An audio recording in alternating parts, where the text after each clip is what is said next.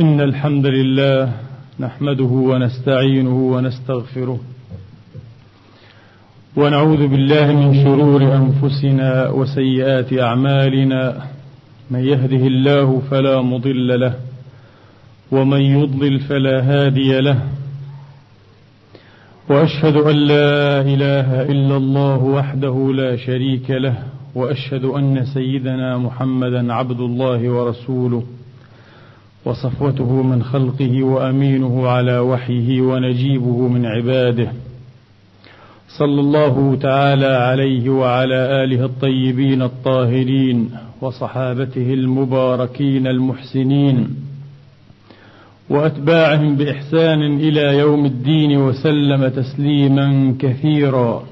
عباد الله أوصيكم ونفسي الخاطئة بتقوى الله العظيم ولزوم طاعته. كما أحذركم وأحذر نفسي من عصيانه ومخالفة أمره لقوله سبحانه وتعالى من عمل صالحا فلنفسه ومن أساء فعليها وما ربك بظلام للعبيد.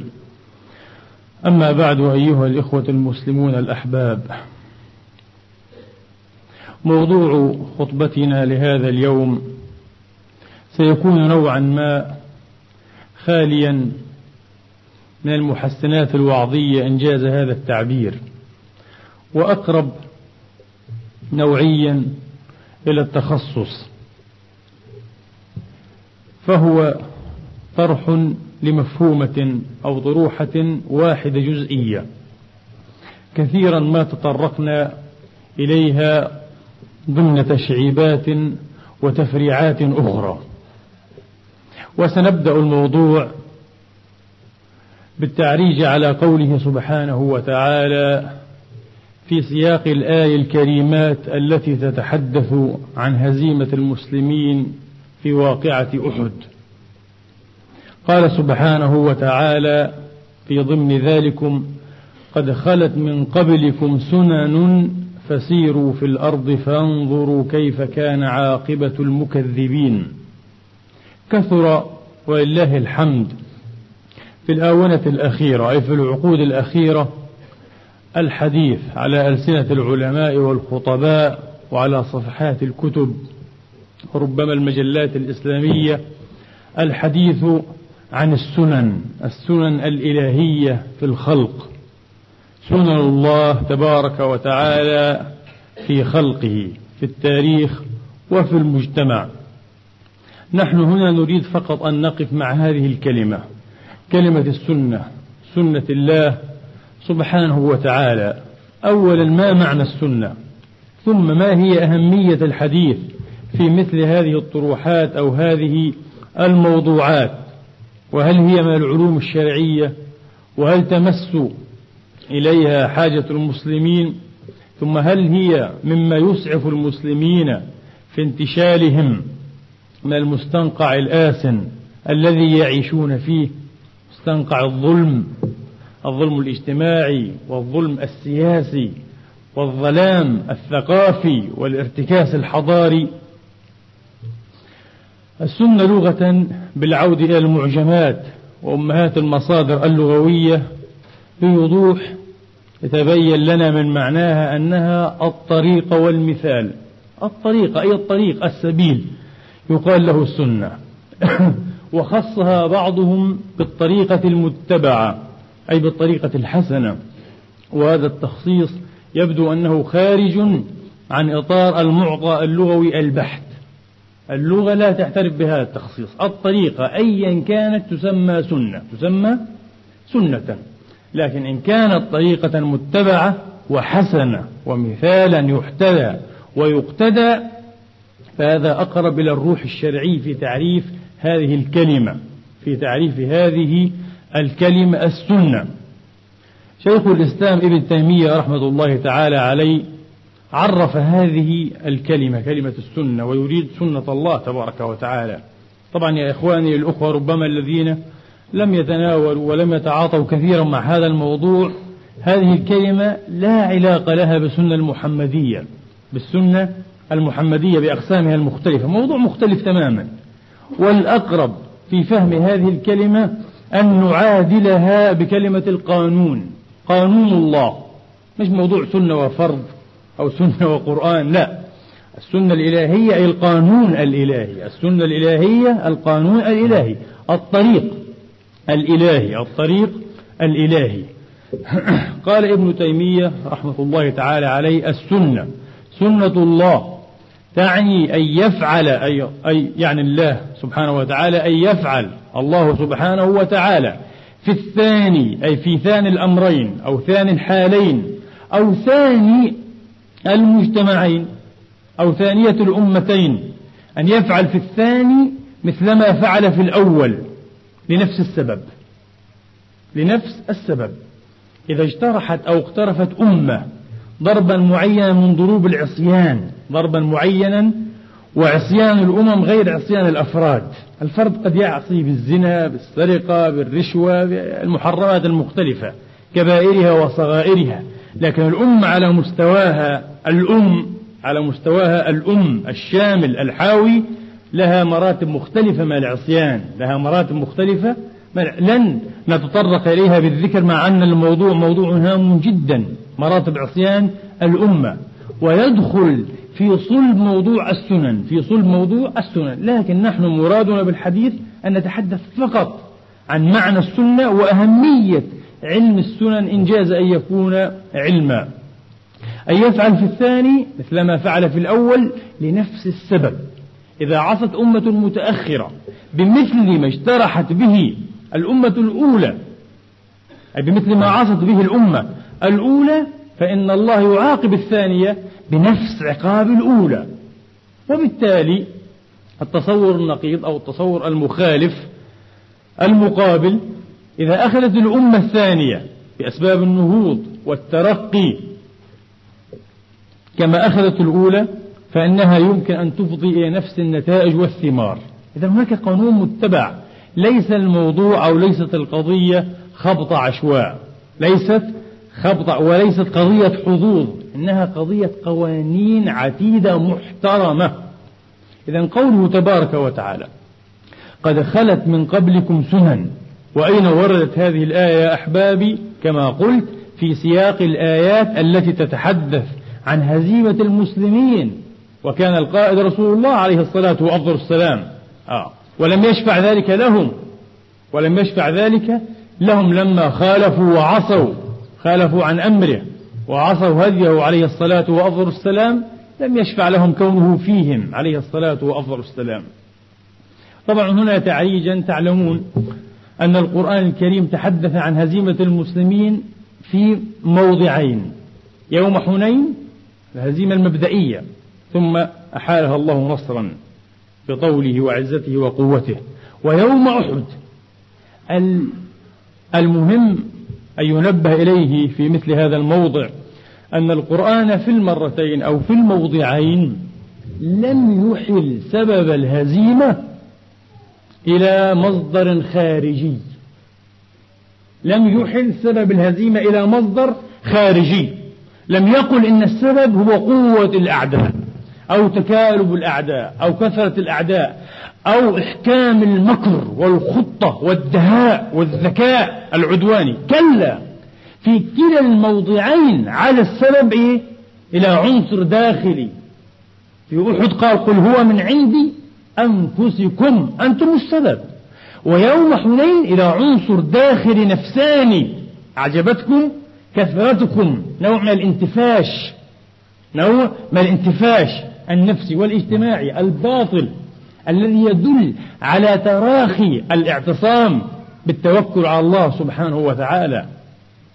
بالتوكل على الله وحده سبحانه وتعالى والإعجاب بالنفس وهذا من عوامل الهزيمة. ومثل هذا لا يعرف إلا من شرع الله تبارك وتعالى. لأنه ربما يأتينا محلل عسكري أو خبير نفسي أو اجتماعي ليقول إن مثل هذه المشاعر ثروة وعتاد ضخم ومهم ومقدمات شرطية لحصول النصر. القرآن قال كلا. إنها مقدمات شرطية لوقوع الهزيمة الإعجاب والانتفاش. القرآن يرفضها ويجعلها شروطا للهزيمة والارتكاس. في كلا الموضعين عزل القرآن الهزيمة إلى عنصر داخلي. إن الجسم لا يتمرض ولا يعتل يا إخواني. فقط بسبب الممرض كما يقول علماء البكتيرولوجي ليس بسبب الممرض ناقل المرض سواء كان فيروس أو بكتيريوم أو أي شيء آخر. وإنما يعتل بدرجة أولى بسبب انهيار أو ضعف الجهاز المناعي. هذا هو السبب. ولذا يتعرض شخصان لنفس الممرض. هذا يعتل وهذا ينجو. لأن المناعة تختلف من بدن إلى بدن من بدن إلى بدن نعود إلى موضوع السنة.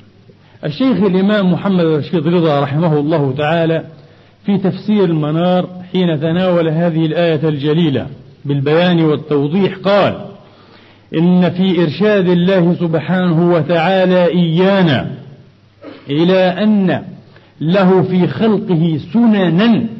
قد خلت من قبلكم سنن فسيروا في الأرض فانظروا. تأملوا واستنبطوا واستقروا هذه السنن.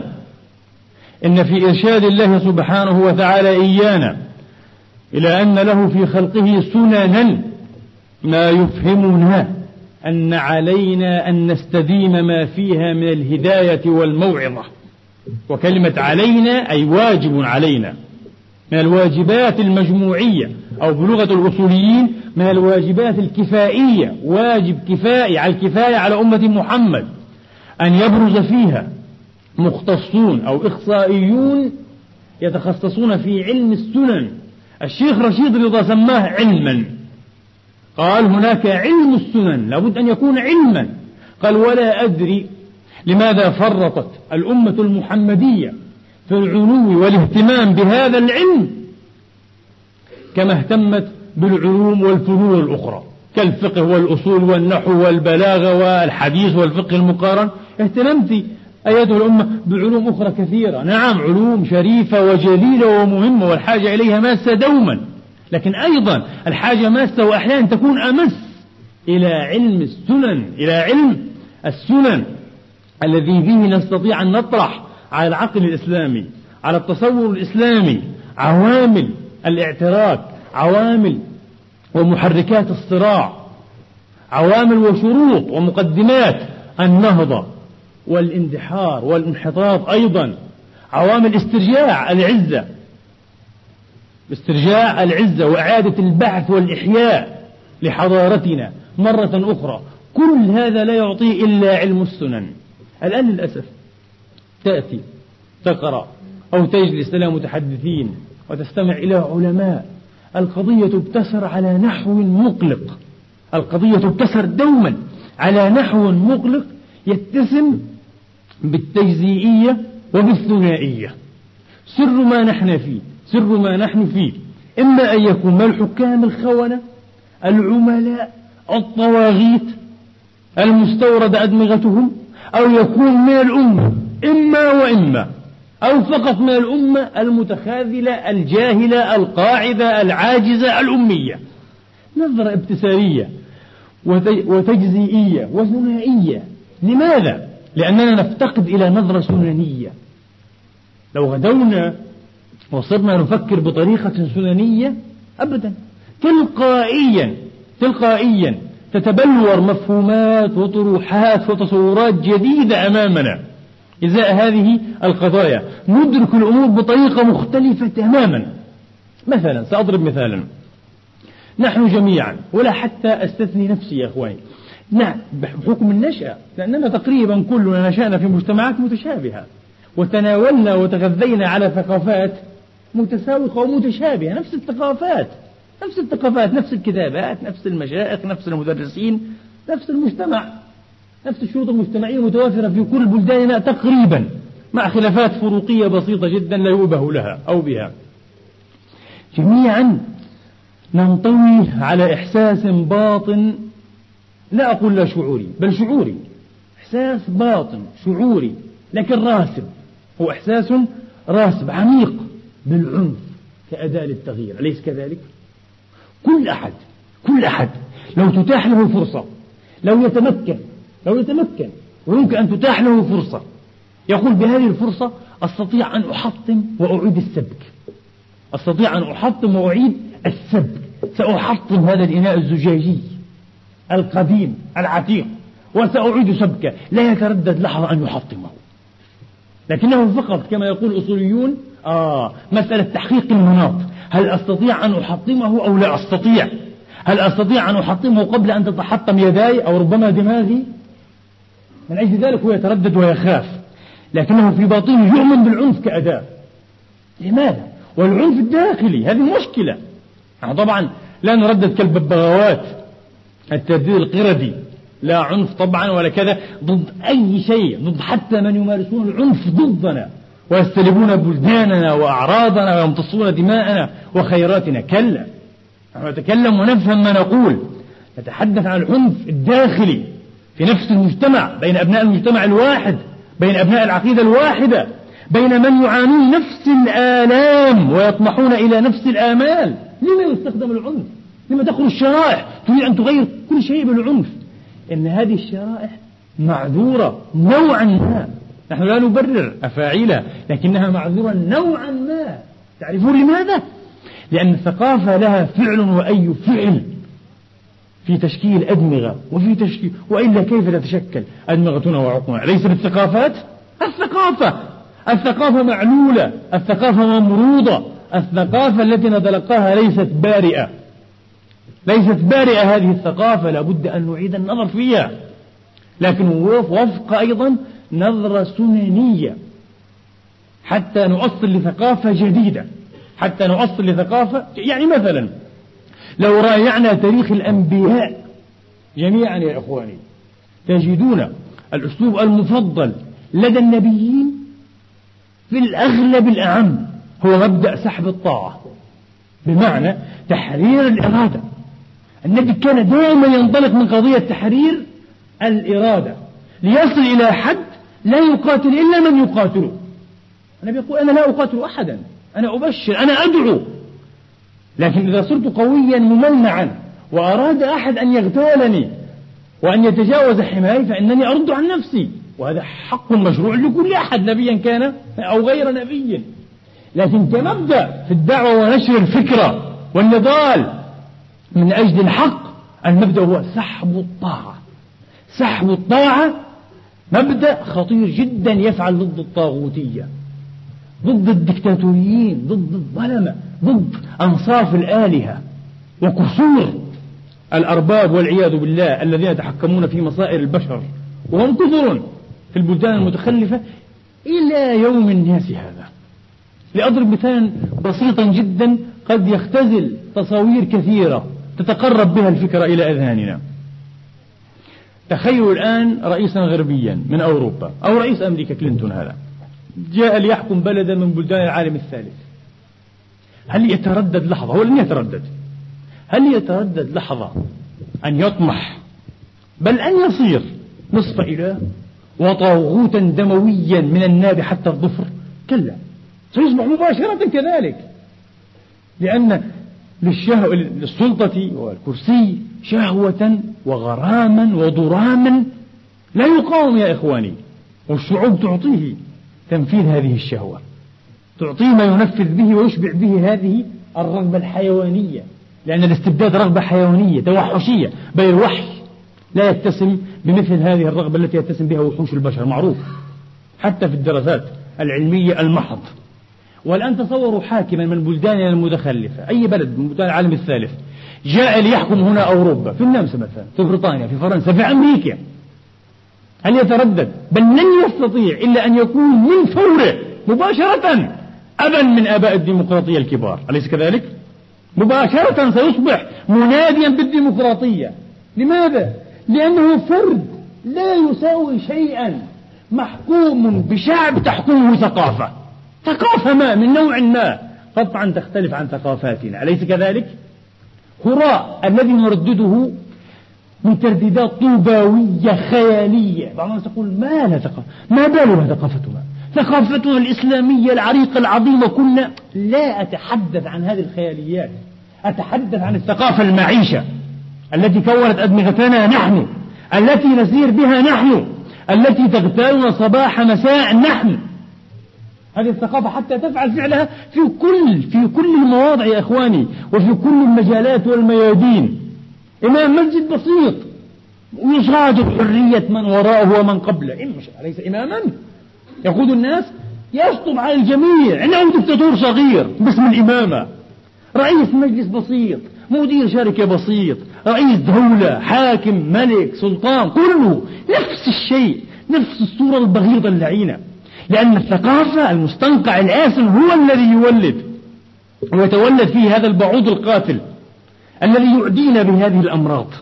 ولذا مطاردة الباعوض وقتل الباعوض زرافات ووحدانا كما يقال لا يفيد. ما الذي يفيد؟ ردم المستنقع. لا بد أن يردم هذا المستنقع الآسن. كل المستنقعات العفنة الآسنة للثقافات المميتة لا بد أن تردم. لا بد أن ننشئ على ثقافة جديدة تستمد أصولها لا من الشرق ولا من الغرب مع أننا لا لا نتنكر ولا نتجهم.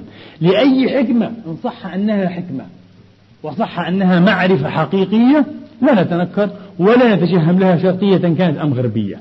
لكن بحمد الله أيضا إلى ذلك في شرعنا وفي قرآننا وفي سنة نبينا ما يفيد ويغني ويكفي بحمد الله تعالى. إن أحسننا التعامل معه إن أحسننا التعامل معه. جاء الأنبياء بمبدأ سحب الطاعة. مثال مشهور جدا جدا. مثال سحرة فرعون. الذين قدموا قبل سويعة مجرد طالبين للأجر. إن لنا لا أجر إن كنا نحن الغالبين. طبعا لكم الأجر وأيضا أنتم من المقربين. المسألة مسألة إغداق مناصب وإغداق أموال. لماذا؟ لأن الحياتين حياة واحدة. حياة المتزلفين وحياة المتزلف إليه. حياة واحدة. لا يعيش رأس الأفعى بدون إيه؟ ذنبها وجسدها.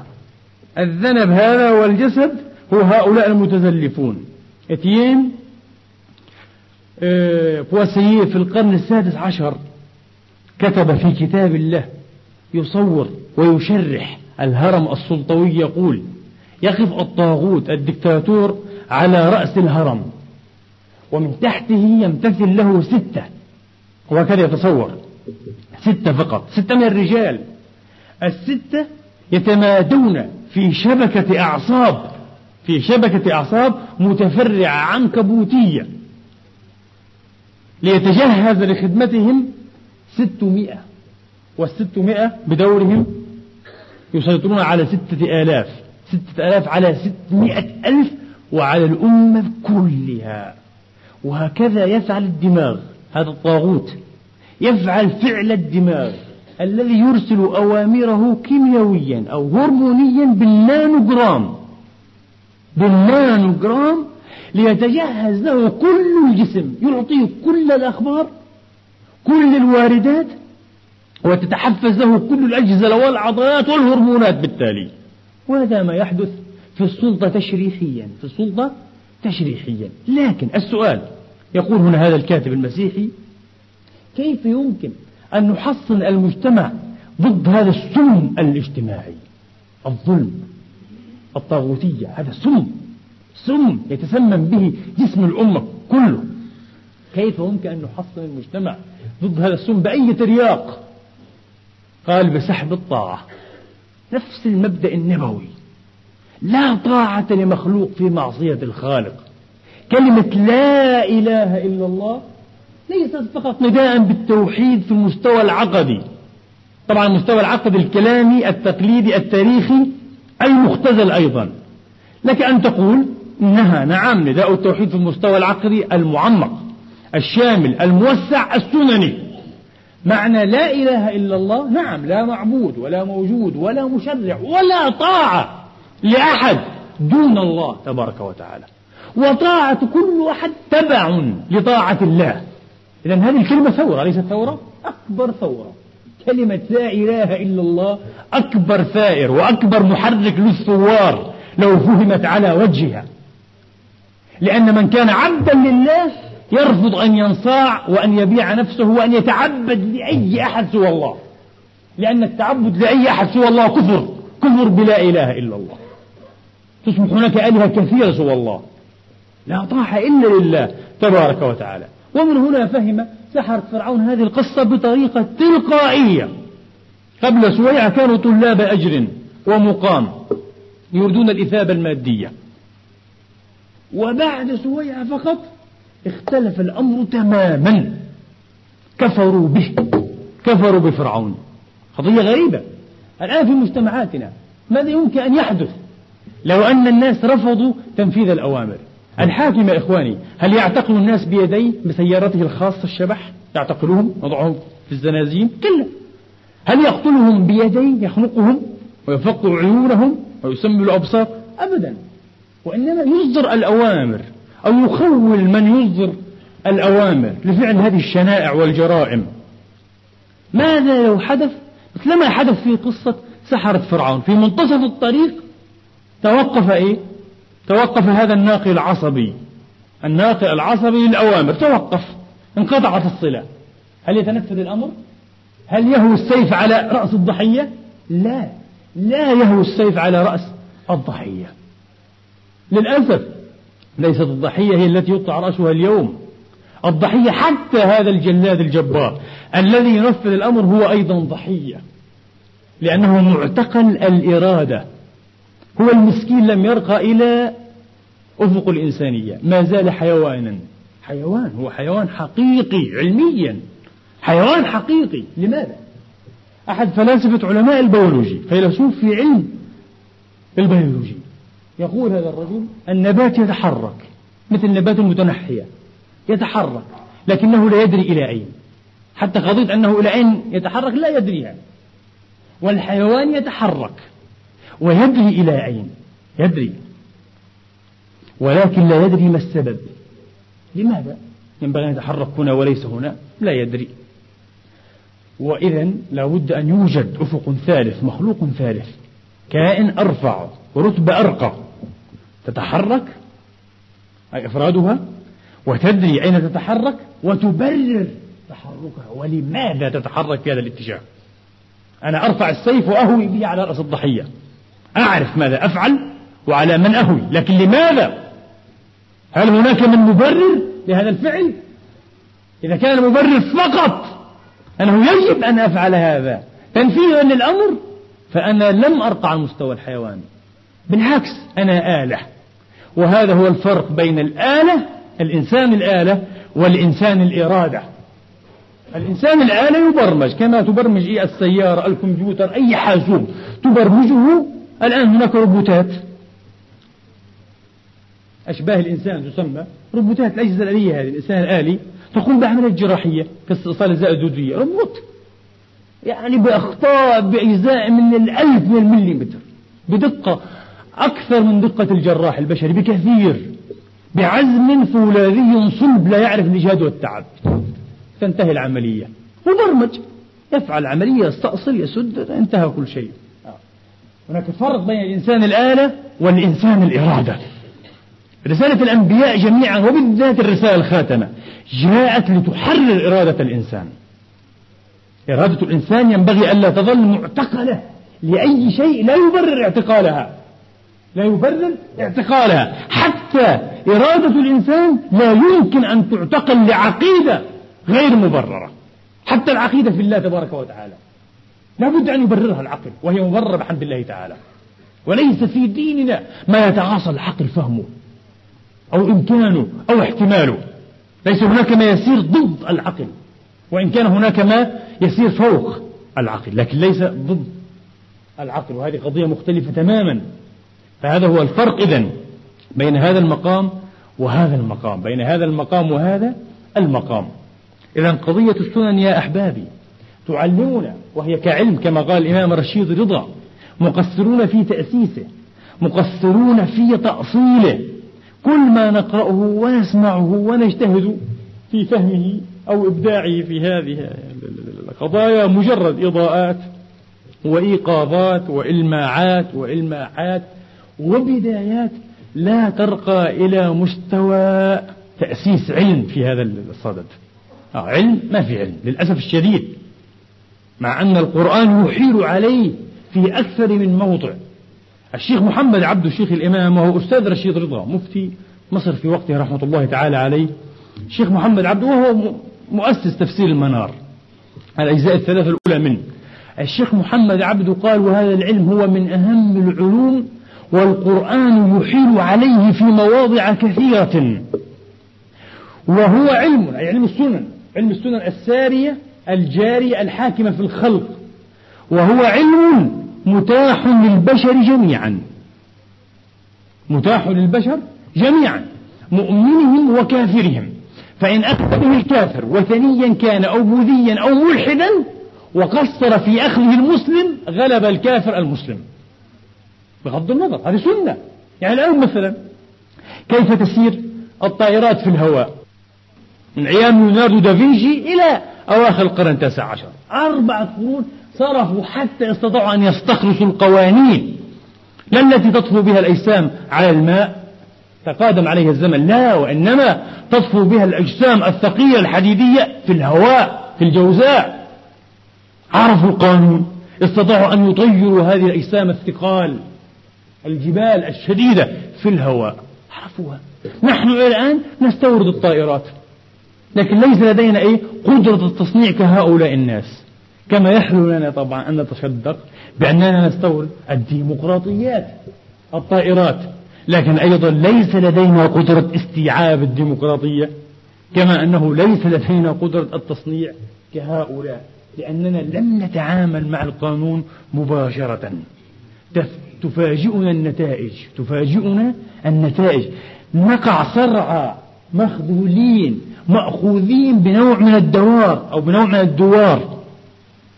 تلف رؤوسنا في غير أمل في معرفة الاتجاه. لماذا؟ لأننا نفتقد البوصلة. وهذه لا تعرف إلا بالقانون لها أيضا قانون. يمكن أن أقول بعبارة واحدة. هي ترجمة الآية القرآنية ليست من اجتهاداتي بعبارة واحدة. إن تاريخ الجماعات والأمم أي تاريخ البشرية جمعاء وما يعرض لها من نصر أو هزيمة من رقي أو تدلي أو تدل عفوا أو تدل إنما هو قدر الله تبارك وتعالى. إذا أقدار الأمم وهذه العبارة الثانية أقدار الأمم التي تعرض لها أقدار الأمم تفسرها سنن الله في الأمم. إذا أردت أن تعرف لماذا كان قدر الأمة المحمدية كذا وكذا وكذا في قرنها هذا وإلى ما قبل قرنين أو ثلاثة فلا بد أن تقرأ السنن. كيف؟ قال تبارك وتعالى سنة الله التي قد خلت في عباده. التي قد خلت في عباده. وكان أمر الله قدرا مقدورا. إذا أردت أن تفهم أقدار الأمم فاقرأ السنن. استبصر علم السنن. تستطيع أن تعرف وتفسر. ليس قدر الفرد. وإنما قدر الأمة ما الذي اعتورها؟ ما الذي حدث لها؟ ما الذي أصابها؟ بالسنن وليس بالتفسيرات الجزئية. إن من يصبو إلى تفسير الأمور تفسيرا جزئيا بعض الناس لأننا تركنا الفعل الفلاني لأننا تركنا الفريضة الفلانية لأننا تركنا السنة الفلانية. تفسيرات جزئية. السنة تعطيك إطارا تعطيك إطارا شاملا يحتوي وتندرج فيه وتنضوي تحت لوائه جزئيات كثيرة جدا جدا تتعاصى على التعداد. هذا هو السنة. هذه هي السنة وهذا هو التفسير السنني. فمثل من يريد أن يفسر هذه الأمور الشاملة أقدار الأمم بتفسيرات جزئية كمثل من يريد أن أن يقيس الأرض بالشبر. أخيرا يا إخواني أقول كلمة أختم بها خطبة اليوم وهي مهمة جدا. الآن نتساءل القانون الطبيعي لو لم نكتشفه في حقل ما يمكن أن يسعفنا الدعاء أو البكاء أو التأميل في الاستفادة من نتائجه أي من نتائج القانون المجهول. كلا سنبقى صرعى لويلات الطبيعة صرعى للأمراض للعلل للجوائح للكوارث. ألف سنة ألفين عشرين ألف. هذا لا يجدي شيئا ولا يهم الله في كثير أو قليل. لماذا؟ لأن الله خلق الكون وزوده بالسنن والقوانين وزودك بالعقل المستبصر. لماذا لم تستخدمه الذنب ذنبك. يداك أوكت وفوك نفخ. فنفسك لوم ولا تلوم المطايع ومت كمدا فليس لك اعتذار. أنت الملوم وليس الله تبارك وتعالى. والأضرب هذا المثال اللطيف. يعني مثلا مرض الإيدز هذا المرض الخبيث الفيروسي. كم تقاضى العلماء من الوقت للكشف عن هويته وشخصيته. أربع سنوات فقط. منذ ظهوره أربع سنوات أبحاث متواصلة. طبعا تقدم العلم في هذه الحقول كثيرا جدا جدا في العقود الأخيرة. أربع سنوات اكتشف العلماء تماما هذا السبب الممرض وعرفوا شخصيته وهويته. صحيح لم يتوصلوا علاج ناجع ونهائي ولكن على الأقل نصف الطريق انتهى. في حين مثلا مرض الزهلة والفرنجي من أواخر القرن الخامس عشر ربما تقريبا 1496 إلى أن جاء فريد شاودن 1905 واكتشف, واكتشف إيه؟ سببه. كم تقريبا؟ 400 سنة. 400 سنة وهذا المرض يفتك بالبشر. ولا أحد يدري ما السبب. فتك بالبابا ألكسندر السادس. اغتال دماغ الفيلسوف الألماني الكبير فريدريش نيتشه. وعطل النخاع الشوكي للشاعر الألماني هاينه وأصابه بالشلل. وسقط ضحاياه ملايين الأفراد على مدى أربعة قرون والقدر لا يرحم لأن القانون مجهول. ستبقى صريعا لقانون مجهول يفعل فيك إيه؟ فعله وأنت لا تدري. قانون الإمراض هنا. قانون الإمراض بهذا الممرض بالأفعى اللولبية كما تسمى. لكن حين اكتشف 1950 بدأ إيه؟ التحصين ضده. بدأ التحصين إيه؟ ضد هذا المرض. انتهت المشكلة. 1985 بفضل التقدم الطبي تعلن هو أو منظمة الصحة العالمية تعلن أن مرض الجدري مثلا قد تم استئصاله نهائيا نهائيا عفوا نهائيا من على وجه الكرة الأرضية. هنا مثلا في الغرب الأوروبي آه. انتهت أمراض بالكلية هنا لديهم وليس في العالم كله. كال polio أو ال poliomyelitis هذا شلل الأطفال أو مرض التهاب سنجابية الدماغ. أمراض كثيرة انتهت. الآن عشرون ألف مرض في قائمة الكتب الطبية تعالج بثمانين ألف دواء. عشرون ألف مرض. تسببها أكثر من خمسين ألف خمسين ألف من المسببات أي من الممرضات. خمسين ألف. كله بفضل ماذا؟ معرفة القانون. عرفت القانون تتمتع بثماره. لم تعرف القانون يصرعك القانون إلى أن تعرفه. والآن السؤال الصعب والشاق والعويص. وهل قانون إلهي في المجتمع والتاريخ يسري عليه نفس الكلام إي وربي؟ وإن هذا الكلام لحق. ما لم تعرف القانون الإلهي في المجتمع والتاريخ الطريق إلى العزة الطريق إلى الكرامة الطريق إلى تحرير الإرادة الطريق إلى التحرر من الظلم الطريق إلى أن تصبح أمة رفيعة الشأن قوية الجانب منيعة حصينة ستظل على العكس من ذلك أبدا. إلى أن تعرف القانون. القانون لا يعرف المحاباة. ولذا نرجو من بعض الأخوة الذين يعتذرون أو يلومون أحيانا. بعضهم يلوم. قال لي أحدهم في مجمع الإخوة الأحباب قال أنا أشعر أحيانا بالاستنكار لا أريد أن أذكر عبارة أخرى بالاستنكار من هذه الدعوات التي تتعالى والشهاقات والبكاء في المساجد وفي الحرمين. اللهم انصرنا واللهم دمر أعداء وزلزل الأرض تحت أقدامه وما إلى الكلام إلى آخره قلت له وأنا متعاطف مع هذا الاستنكار. نعم لأن الدعاء وحده هكذا. بمثل القصور والسلبية التي نحن فيها فعلا لا يوجد وهو أشبه بالاستهزاء بالله تبارك وتعالى. قلت له هذا الدعاء أشبه بمن يستهزئ بربه.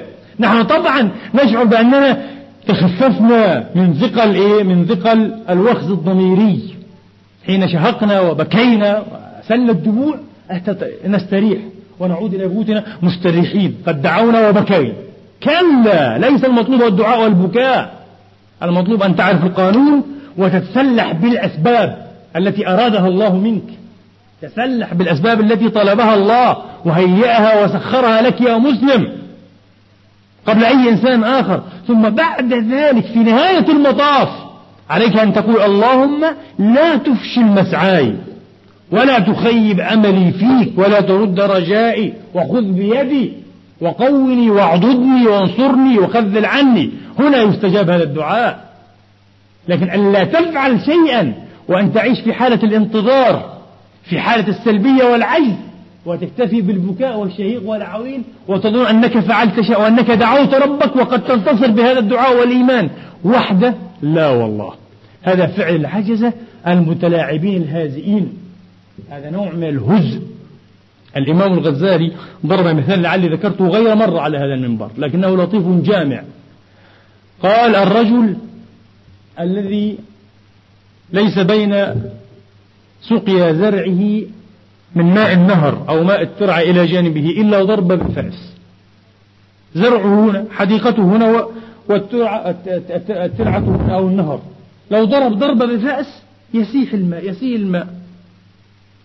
قال إلا أنه لا يفعل. حاجز. رجل مكسال كسول. لا يضرب لا أن يضرب ضربة بفأس. كسول. لكنه ليس كسول عن الصلاة صلاة العجزة. يقوم يصلي ركعتين ثم يدعو ربه. أو يقوم يصلي صلاة الاستسقاء. اللهم اسقنا الغيث ولا تجعلنا من القانطين. قال لو استسقى ربه ألف سنة. إن الله لا يسقي. لماذا؟ لأنه ليس بينك وبين أن تسقي زرعك إلا ضربة بفأس. كيف تهمل الأسباب وتكفر بها؟ ثم تدعو إيه؟ مستسقيا ربك. قال الغزالي فهذا كالهازئ بربه. هذا كالهازئ بربه. علينا أن نحترم خلق الله قوانين الله قوانين الوجود التي أودعها الله وسخرها لنا كما نحترم شرع الله. أليس كذلك؟ علينا أن نحترم قوانين الله في الوجود أي في الخلق كما نحترم قوانين الله في الشرع. ألا له الخلق والأمر؟ تبارك الله رب العالمين. أسأل الله تبارك وتعالى أن يفيض على قلبي وعلى قلوبكم الهداية والعرفان وأن يسلك بنا سبيل الصالحين المهديين إنه ولي ذلك والقادر عليه. أقول قولي.